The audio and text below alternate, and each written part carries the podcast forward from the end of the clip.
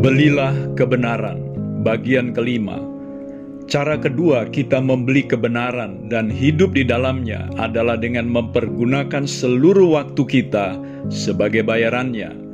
Efesus 5 ayat 16 mengatakan, "Dan pergunakanlah waktu yang ada, karena hari-hari ini adalah jahat." Saudaraku, kita hidup di dalam waktu. Kita hidup dengan mempergunakan waktu dan jangan lupa hidup kita di dunia ini juga dibatasi oleh waktu. Mempergunakan seluruh waktu kita untuk membeli kebenaran berarti kita memprioritaskan waktu tersebut untuk kita pakai sebagai uang pembayarannya.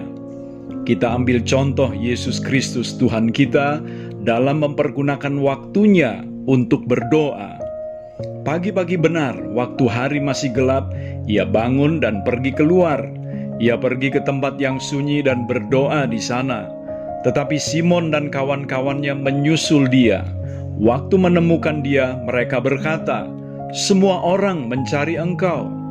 Markus 1 ayat 35 sampai dengan 37.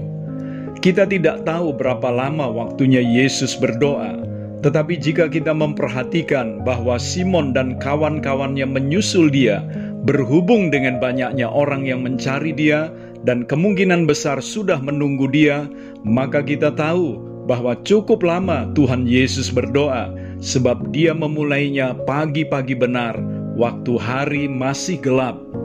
Saya mempunyai teman, seorang misionaris dari Amerika, yang tinggal di suatu dusun terpencil di Mentawai, tepatnya di daerah Siberut Barat Daya. Dia biasa bangun dan memulai aktivitas doanya dan belajar menyelidiki firman Tuhan mulai dari jam 4 pagi sampai selesai nanti jam 8 pagi.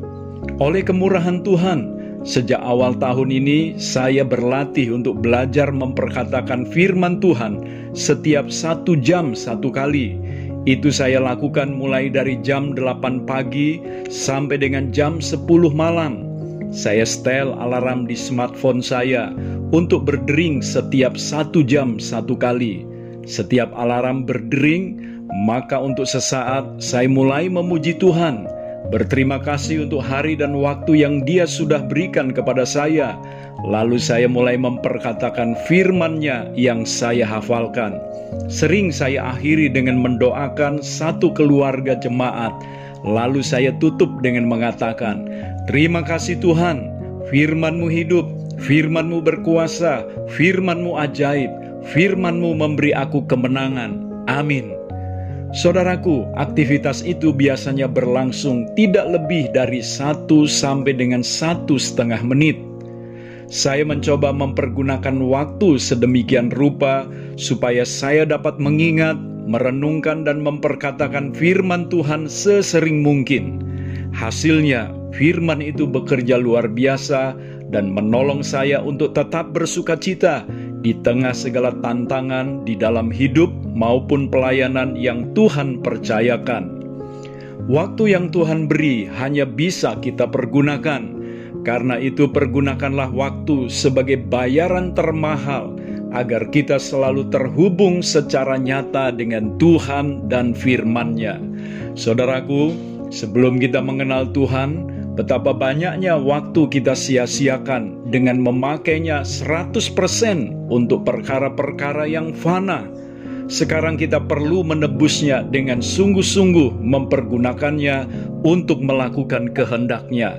Waktu yang telah kita lewati tak bisa diulang, Sementara besok belum tentu kita jelang, karena itu gunakanlah waktu kita sekarang sebagai bayaran untuk membeli kebenaran. Saya Theo Barahama, mari pancarkan kerajaan sorga mulai dari rumah kita.